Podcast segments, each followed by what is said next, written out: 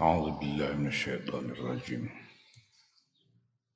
رابعهم كلبهم ويقولون خمسة سادسهم كلبهم رجما بالغيب.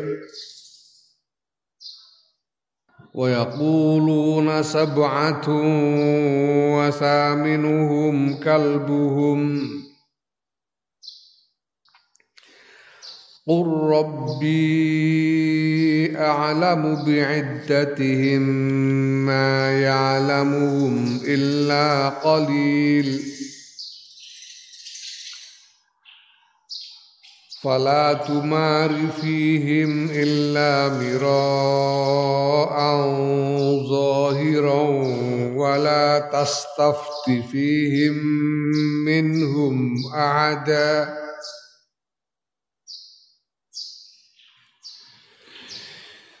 ولا تقولن لشيء إني فاعل ذلك غدا إلا أن يشاء الله. إلا أن يشاء الله واذكر رب ربك إذا نسيت. وقل عسى أن يهديني ربي لأقرب من هذا رشدا. ولبثوا في كهفهم ثلاثمائة سنين وازدادوا تسعا قل الله أعلم بما لبثوا له غيب السماوات والأرض أبصر به وأسمع ما لهم من دونه من ولي ولا يشرك في حكمه أحدا سيقولون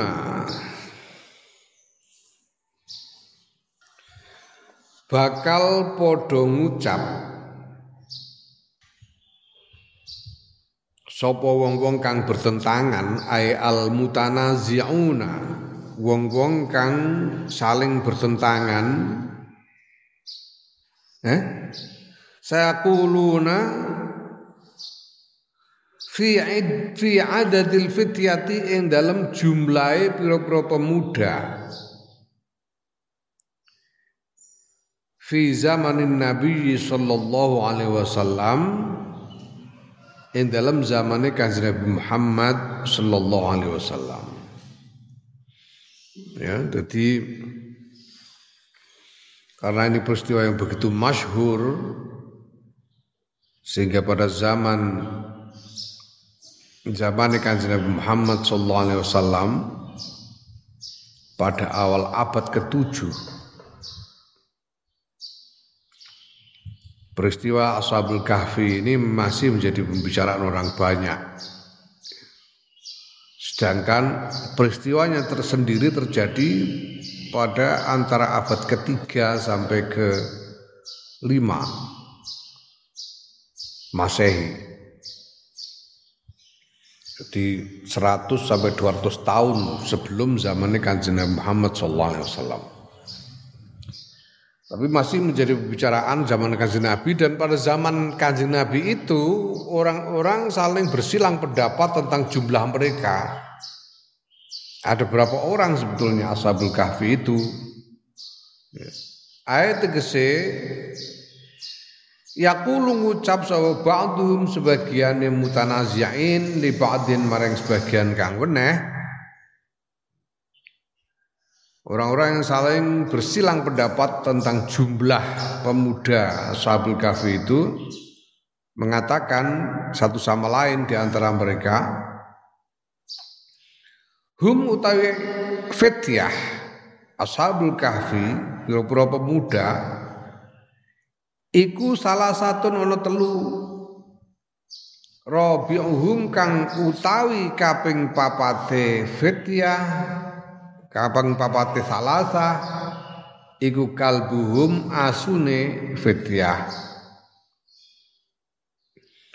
Ana sing kandha telu ashabul kahfi iku ditambah asune dadi papat. Wa yaquluna lan ngucap sapa ba'dhum ay ba'dhum sebagian mutanazi'in utawi ashabul kahfi iku khamsatun ana lima. Sadisuhum kang utawi kaping eneme khamsah iku kalbuhum asune khamsah ana lima tambah asune dadi enam wal qaulani utawi qaul loro sing kandha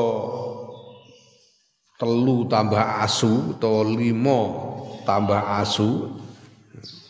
Qaul loro iku qaul sing pertama iku muni jumlahe telu tambah asu. Tambah asu siji dadi papat.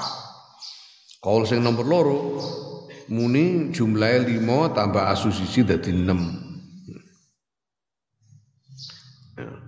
utawi eh, kaul loro mau pendapat loro mau iku linasara najron kedue wong-wong Nasrani Najron Najron iku eh, daerah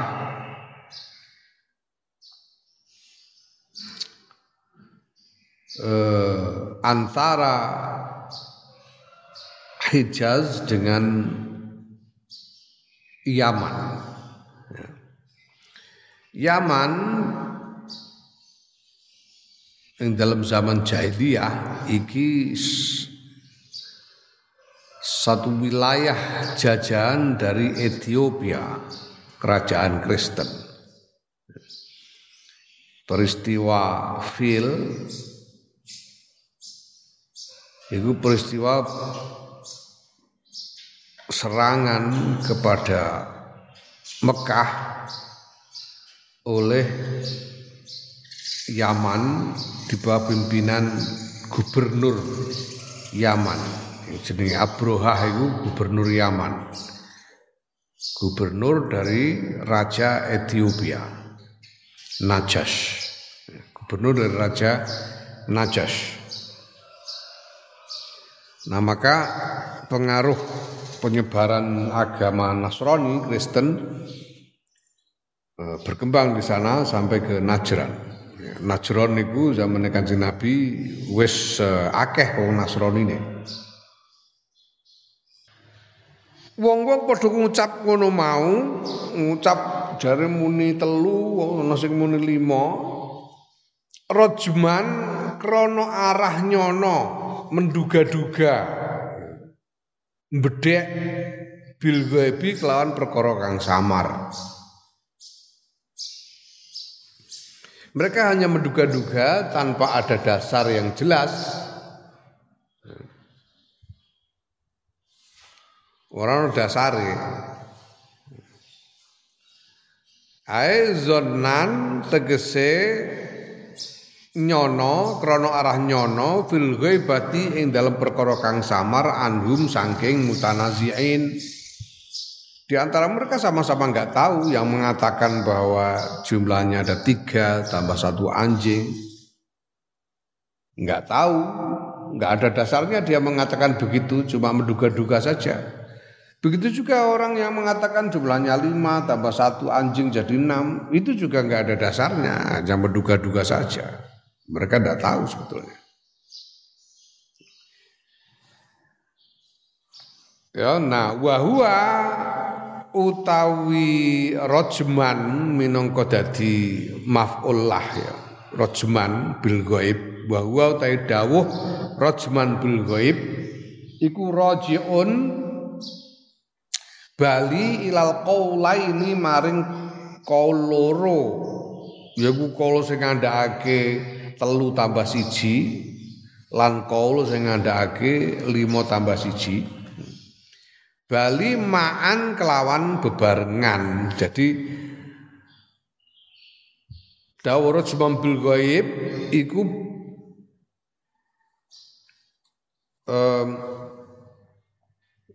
terkait dengan dua kaul yang sudah dinyatakan di depan.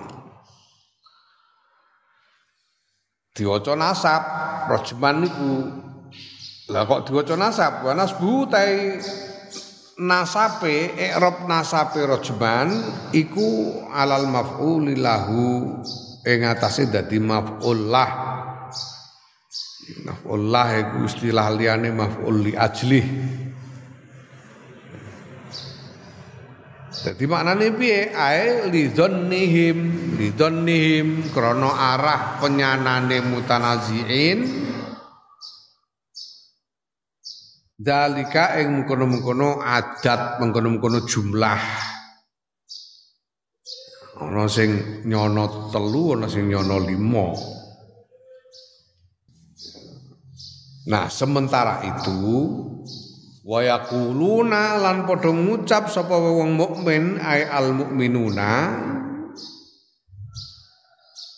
Padha ngucap utai fitiah iku sabatun ana pitu.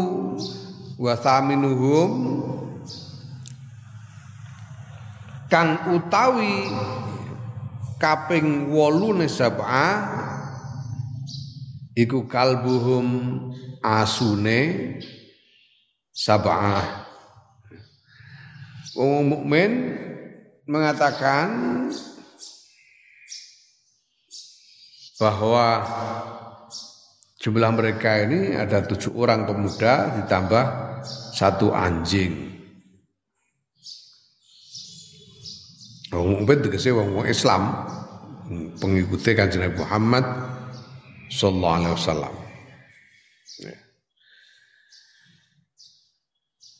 Nah, ning kono perhatikan ning kono ya. Ana susunan kalimat sing mirip tapi dengan satu perbedaan. Ning Arab iku dikandhakake salah satu rabi'uhum kalbuhum Banjur khom satu suhum kalbuhum iki kok sab'atun wa minuhum kalbuhum. Kok ora sab'atun minuhum kalbuhum. Ora kok ana wawune. Ya to? Ning arep ora wawu. Kono wawune iki piye biasane nek nek ana jumlah utawa anak kalimat sing nganggo wawu iku biasane terus dadi hal. Lah ning kene iki dadi apa kok ngono wawune kok wasaminuhum kok ora sab'atun saminuhum kok sab'atun wasaminuhum. Iki dadi apa? Wal jumlatu minal mubtada'i ta jumlah minal mubtada'i bayane saking mubtada wa khabari lan khabari mubtada' saminuhum kalbuhum Iku tadi apa? Iku sibat, iku sifatu sab'atin sifate sab'ah sab'atun wa saminuhum kang ngono kang utawi kaping 8 sab'ah iku kalbuhum asune sab'ah. Iki dadi sifat iki ora dadi hal jumlah mubtada khobar iki dadi sifat nanging biziyadatil wawi kelawan nambahi wawu Dadi wawune ku wawu ziyadah. Wes. Nah, wakilan den ngendikake takkidun wawune ku wawu takkit wawune iku ora sekedar tambahan tapi wawu sing nguwatake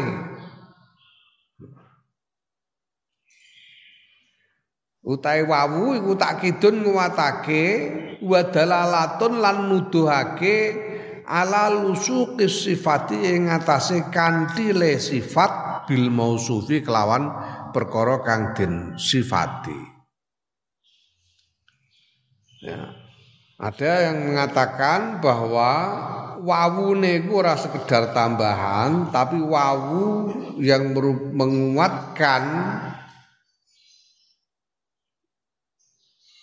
dalalah makna yang menguatkan pengertian melekatnya sifat kepada mausuf. Sifat memang hakikatnya sifat itu melekat pada mausuf, sifat melekat kepada zat. Ya. Beda karo hal. Nek hal iku tingkah sing sing berubah-ubah. Hal itu. Aku ngene iki jenenge tingkah linggih. Tingkah linggih. Nek kadang-kadang engko bar linggih ngadeg dadi tingkah ngadeg, berubah dadi ngadeg. Ya. Engko turu turon-turon ya tingkah turon-turon. Engko ngene iki apa jenenge kaidan tingkah hale lungguh tegese tingkah lungguh. Kok nek ngadeg kok iman hale ngadeg. Turon-turon mutajian hale turon-turon. Tingkah beda-beda. Nek hal, tapi nek sifat itu terus melekat pada mausuf. Aku iki duweni duweni sifat ganteng. Hmm. Arep lungguh yo ganteng, ngadeg yo ganteng, dodok mekokok yo tetep ganteng mergo sifat sifat melekat kepada mausuf. Nah, wasaminhum kalbu iki menguatkan melekatnya sifat pada mausuf baik dari segi eh, tarkib maupun dari segi makna mergo asune ashabul kahfi iki pancen selalu mengikuti tidak terpisahkan dengan ashabul kahfi ngantek somben tekan swarga ora pisah asune asu kok bejo temen ya. Ya, menunjukkan penguat menguatkan pengertian menempelnya sifat kepada mausuf Nah, wes iki soal kuasa minhum kalbu. Saiki soal ono dawuh rajmam bil ghaib. Eh? Saya kuluna salah satu rabbum kalbuhum wa yaquluna khamsatun sadizum kalbuhum rajmam bil ghaib. Ya, iki perlu dirembuk juga. Lah sementara sing ketiga wa yaquluna sab'atu wa saminuhum kalbuhum iki gak iki dipisah, dipisah dari dua kaul yang pertama. Jadi ini kan ada tiga kaul. Dua kaul yang pertama digabungkan dan dinyatakan rojman bil ghaib. Sementara yang ketiga yang yaquluna sab'atu wa saminuhum kalbuhum orang ini dipisah tersendiri dan tidak ada komentar. Hmm. Orang no komentar. Sing dua ngarep dikomentari rajman bil ghaib. Ana keterangan rajman bil ghaib. Sing ketiga sing kaya kulo nasabatu wasaminuhum iki ora ana keterangan. Iki piye genahe? Wa wasful awwalaini utawi penyipatan kaul loro kang kawitan yaiku salah satu rabbul kalbuhum lan khamsatun sadzum kalbuhum. Dan sifati birrajmi kelawan nyono. Rajmam bil nyono menduga-duga duna salisi orane kaul kang ketiga yaiku sab'atun wa saminhum kalbuhum sing muni Salah satu rabbum kalbuhum lan sing muni khamsatun sadisum kalbuhum iku karo pisan rajman bil ghaib. Dua-duanya rajman bil ghaib. Tapi sing muni sab'atun saminuhum kalbuhum ora di ora diunekno rajman bil ghaib. Ngono. Sing diarani rajman bil ghaib cuma yang dua yang pertama, sedang yang ketiga tidak dinyatakan rajman bil ghaib. Ngono iku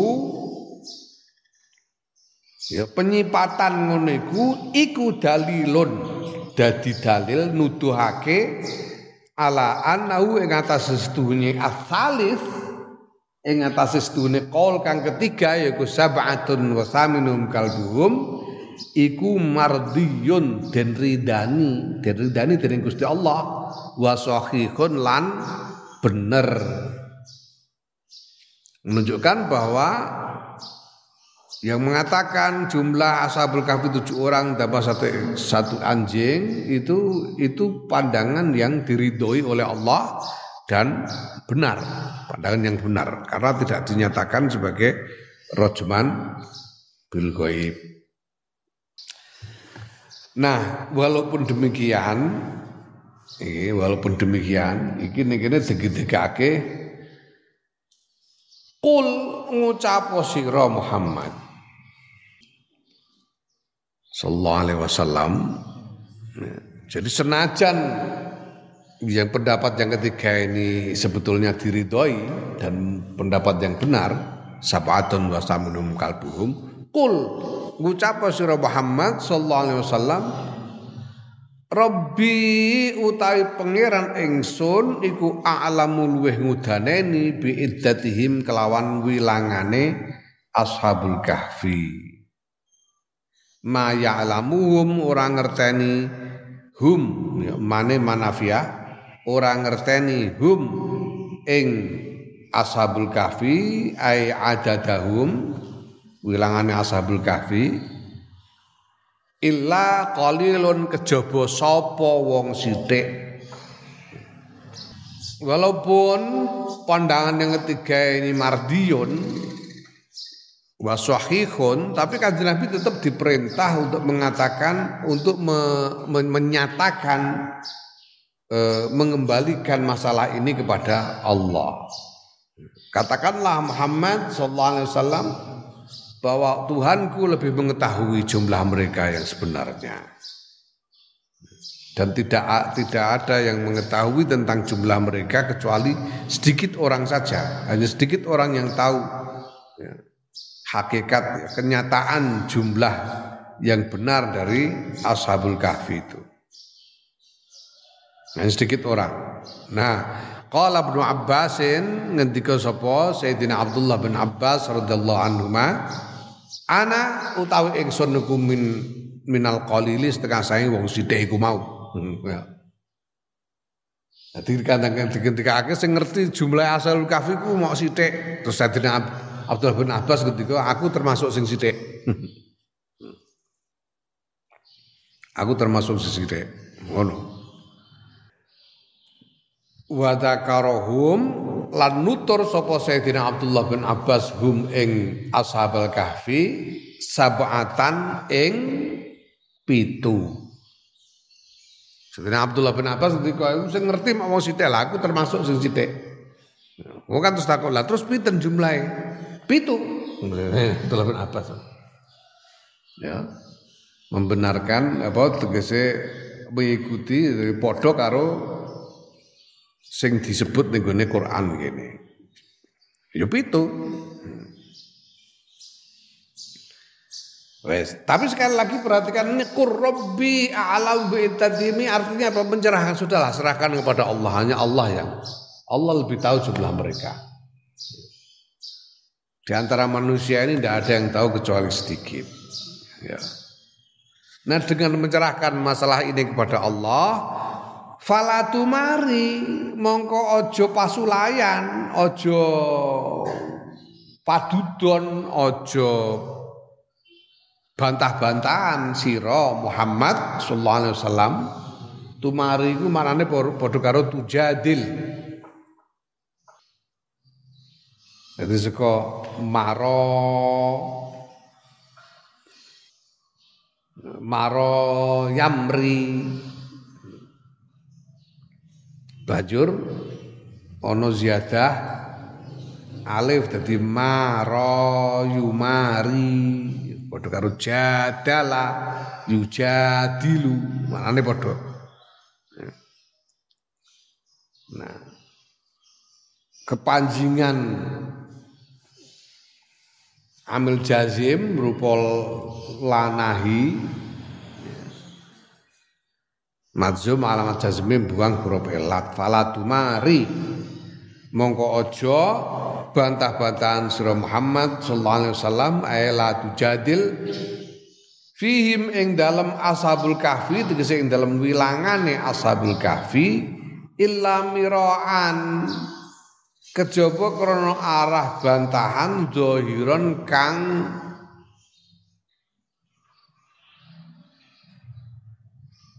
toto lahir. Bantahan yang hanya di permukaan saja. Artinya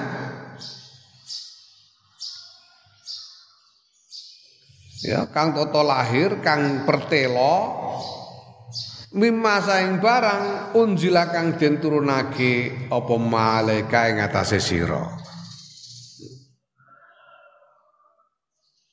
Nek sira batah-batahan ya sekedar ya nek nek menurut wahyu sih ngene. Ngono tok ae wis ora usah dijerok-jerokno. Ora samono kowe dasar kafir musyrik kowe. Ora samono ngono. Ngarani ashabul kahfi mok telu. Ora usah dijerok-jerokno ora usah. Ayo bantahan sepintas lalu ngono. Kono ono sing muni telu, ono sing muni papat ya. Ning Quran wahyune ngendikake pitu ngono tok. Tapi Allah lebih tahu lah. Ora usah dirembuk jero-jero. Wong sing dadi inti dari peristiwa itu bukan soal jumlah ashabul kahfi tapi mukjizat keajaiban yang diperlihatkan oleh Allah yang memperlihatkan kekuasaan Allah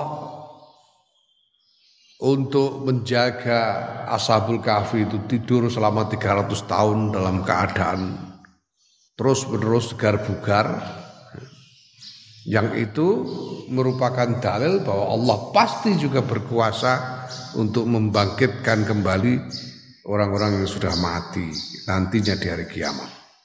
Itu yang penting. Soal bukti kekuasaan Gusti Allah. Cek cacai ku telu cek cek cek lima cek pitu ya iku iku soal sampingan ngono ae. Sing inti soal kekuasaan Gusti Allah iki. Mulane ora usah dijerok-jerokno. Tur ya wala tastafti lan aja njaluk fatwa sira tegese manut tegese manut nakokake fihim ing dalem ashabul kahfi ae tatlub wala tatlub aja nyupre sira al futya ing fatwa. Al futya ing fatwa minhum saking ahli kitab ay min ahli kitab min ahli kitabi ya. al yahudi yaiku wong Yahudi ahadan ing wong suci. Ya ora usah manut omongane wong Yahudi juga. Kalau marang Gusti Allah tapi ora usah manut omongane wong Yahudi. Wong Yahudi muni ana sing muni telu ana sing muni lima ora usah manut ana sing muni songo barang wis ora usah terus ya sebaliknya marang Gusti Allah ngono iku ngono ya Rabbi a'lam bi iddatihim ngono ae Te. Ya. Ora usah manut. Lan ora usah dijerok-jerokno oleh bantahan. Nah, wasa'alahu lah iki peristiwa ini kanjeng iki ana wahyu sing kaya ngene iki, iki mergo pancen ana pitakon, ana pitakon saking wong-wong Mekah. Ya. wa sa'alahu lan nakoni hu ing kanjeng Muhammad sallallahu alaihi wasallam sapa ahlu Makkah ta penduduk Mekah an khabari ahli kahfi saking kabare ashabul kahfi Faqala mongko ngucap sapa Kanjeng Muhammad sallallahu alaihi wasallam ngucape ukhbirukum bakal ngabarake ngandhakake sapa ingsun ing sira kabeh bi kelawan uh, ahlul kahfi godan ing dalam seesok Wong Mekah padha takon lan Nabi jae sama awakmu nabi tenan jajali pira cacahe Ashabul Kahfi. Lah Kanjeng Nabi yo durung pirsa wong durung tok wahyu. Kanjeng Nabi yo ngerti apa-apa saka wahyu iku kok. Durung tok wahyu durung durung pirsa to Kanjeng Nabi jape ya sesuk tak kabari. Kosek sesuk tak kabari. Mergo durung tok wahyu. Lah Kanjeng Nabi ngendika sesuk tak kabari, ngendika ngono iku. Iku Walam yakul hale ora ngendika sapa Kanjeng Nabi insyaallah, ora ngendika insyaallah, ora ngendika insyaallah sesuk tak kabari ngono ora teko oleh jawab sesuk tak kabari. Orang ngendika insyaallah. Lah mergo Kanjeng Nabi ora ngendika insyaallah iku fanazala mongko tumurun apa ayat? Wala taqulanna lan aja ngucap temen sira Muhammad sallallahu alaihi wasallam li syai'in maring suwi-wiji ai li ajli syai'in tegese eh, maring arai suci-wiji sira ngucap inni fa'ilun stune ingsun iku fa'ilun bakal nglakoni zalika ing mengkono-mengkono syek godan ing dalam seesuk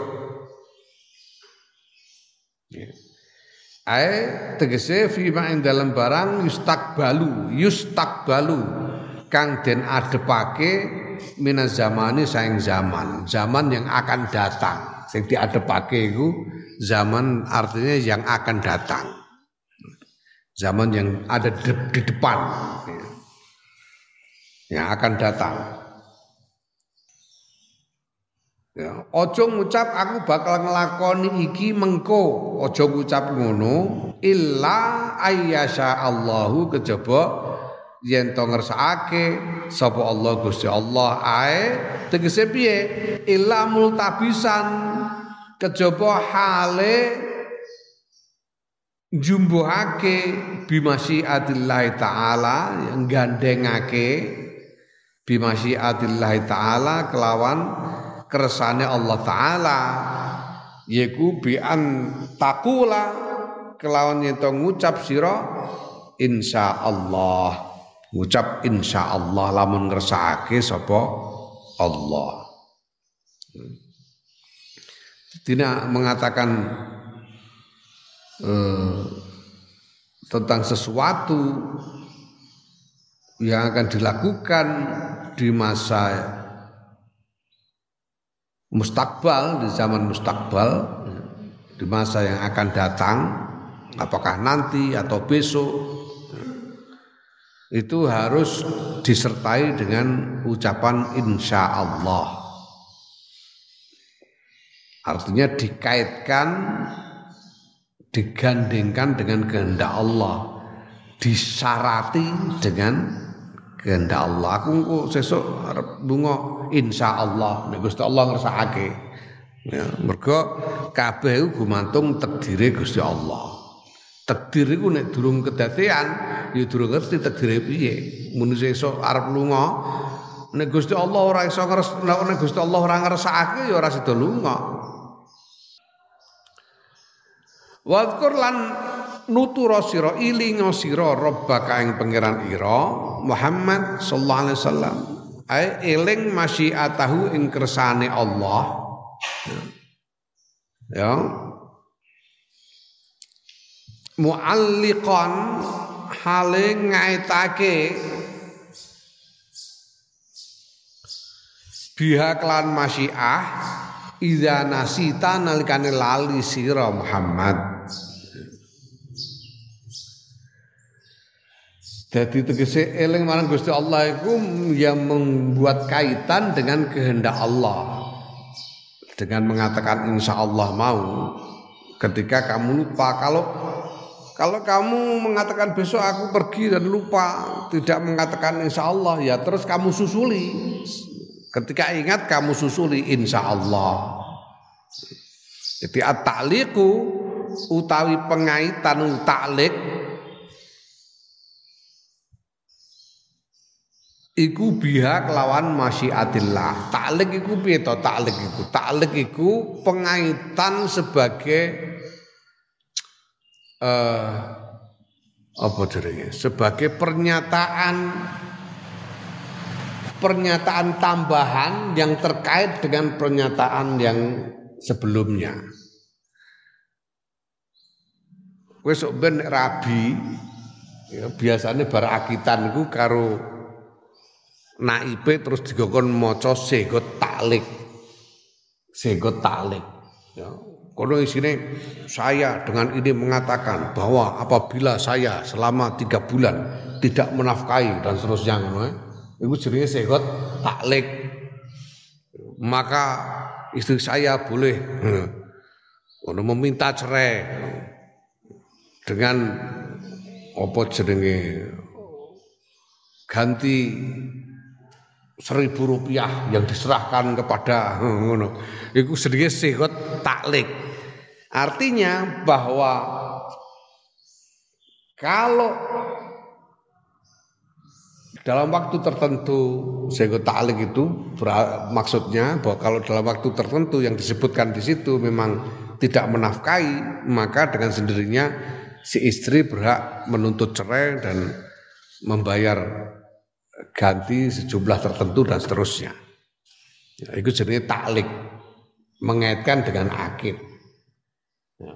Bukan syarat, bukan syarat dari akid, tapi pernyataan yang terkait dengan akad, bukan syarat bagi akad. Akadnya sudah sah. Wis qabiltu nikahaha. Wa tazwijah bimaril mazkur iku wis sah wis. Wis wis beres. Lah terus iki ana segot pernyataan taklik, pernyataan yang dikaitkan dengan akad, tidak menjadi syarat dari akad tapi dikaitkan dengan akad. Iki yang ngono ini sebetulnya insya Allah iki ya taklik dikaitkan dengan pernyataan sebelumnya. Ya. Walaupun sebetulnya ini juga punya makna syarat kalau Allah menghendaki punya makna syarat ya. Tapi dalam hal ini apa? Dalam uh, uh, uh, muhadatsah dalam perbincangan, omong-omongan, percakapan ini merupakan taklik. Nah, wayakun lan ono apa zikruhan nutur insyaallah ba'dan nisyane dalam sakwuse lali iku kadzikriha kaya nutur insyaallah nutur masyiah ma'al qauli sertane pengucap Jadi aku sesuk lunga lali ora muni insyaallah. Engkau begitu eling langsung muni ya mau insyaallah. Iki muni insya Allah sesudah ingat karena tadi lupa ini sama sama berarti sudah mencukupi ya sudah mencukupi seperti mengucapkan insya Allah pada saat membuat pernyataan. Kala ketika sapa Al Hasanu Syekh Hasan. Wa ghairuhu lan Syekh Hasan. Oleh ngucap ngono iku oleh ngucap insyaallah iku hukume padha karo ya. Oleh ngucap insyaallah ketika ingat karena tadi lupa iku hukume padha karo ngucapake insyaallah seketika pada saat membuat pernyataan iku madama selagine ana selagine langgeng sapa wong iku fil majlisi tetep ing dalem majlis sebelum dia berpisah. Nah, podo saat durunge selagine belum berpisah. Ya, tapi banyak ulama lain mengatakan yus kapan saja kalau ingat disusuli dengan insya Allah itu sudah sudah sudah cukup mencukupi syarat. Ya. Wakul lan ngucap surah Muhammad jadi insya Allah ning kene iki ya apa dawuh wadkur rabbaka idza nasita dawuh wadkur rabbaka idza nasita iki iki kaitane karo karo iki mau eh wala taqulan li syai'in inni fa'ilun godan illa ayyasha Allah Wadkur rabbaka idza nasita. Nek lali dang muni insyaallah iki konteksnya wadkur rabbaka idza nasita iku iki. Yes. Ya, tapi ono riwayat mengatakan bahwa sebagian sahabat itu cukup banyak sing memutlakkan dawuh wadkur rabbaka idza nasita. Idanasita itu dimaknani ketika dalam keadaan lupa daratan idanasita. Lagi lupa daratan, lagi apa jenenge tercekam oleh sesuatu sehingga lupa daratan. Undang gagengan menyebut asmane Gusti Allah. Allah. Dimutlakno. Sehingga no riwayat Neng Madinah iku bengi-bengi iku kerep-kerep pirang-pirang omah iku ana swara ujug-ujug ana swara pating glembur Allah. Iku mergo hmm, kumpul karo bojone terus pas lu pada rata Allah pating glembur ngono Allah Allah Allah wah iki lagi lagi do sergep. Ono riwayat ngono. Ya. Nah, di dalam eh, apa jenenge? Di dalam usul fikih itu juga dinyatakan bahwa al ibratu bi umumil lafzi la bi khususis sabab. Jadi pengamalan apa namanya? Penggunaan dalil itu itu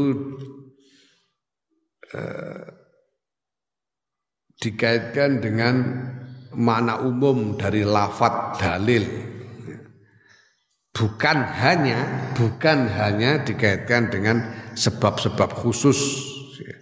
Adanya dalil itu.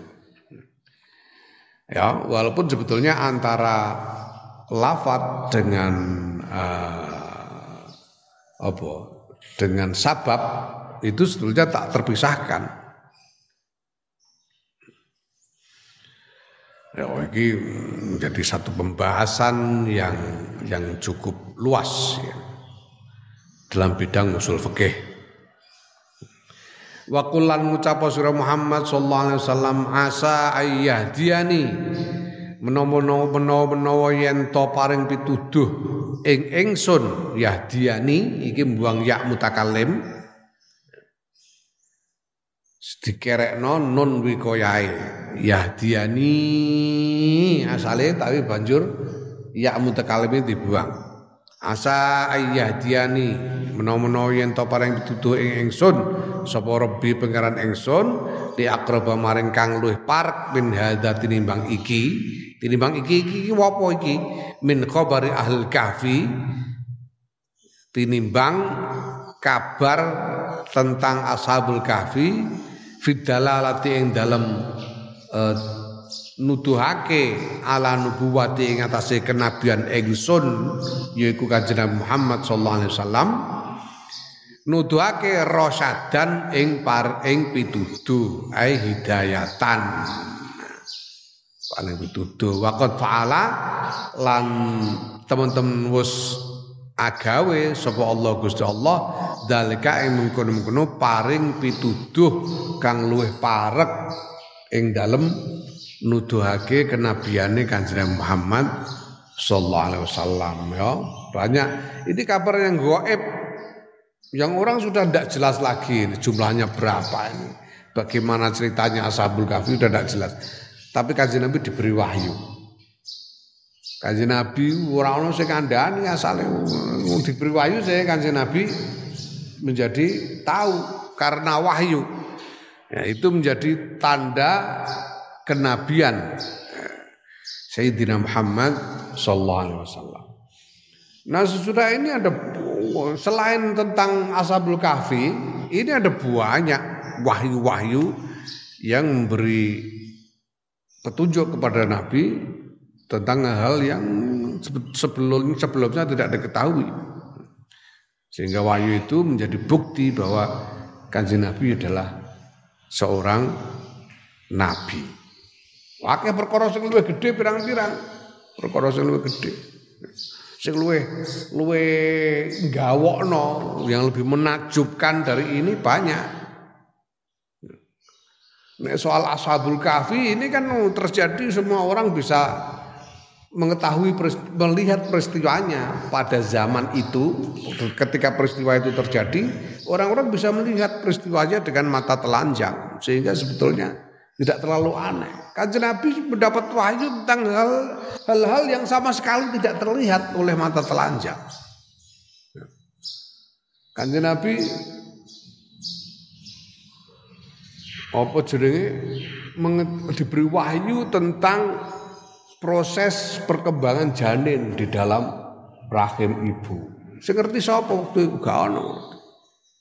Tidak diketahui perkembangan janin itu dari nutfah menjadi alaqah, menjadi mudghah itu tidak diketahui sampai kemudian hari orang menemukan ronsen. USG menemukan USG baru orang tahu sebelum itu tidak ada yang tahu Lah kanjeng Nabi kok ngerti kok diwahyu. Nah, kanjeng Nabi ngerti peristiwa Nabi Adam sapa sing nyekseni menungso liyane? Ora ono sing nyekseni Nabi Adam tok. Durung ono menungso liyane Nabi Adam. Kanjeng Nabi ngerti saka ndi saka wahyu. Kanjeng Nabi ngerti hal-hal yang akan terjadi di masa yang akan datang yang pada waktu itu belum terjadi.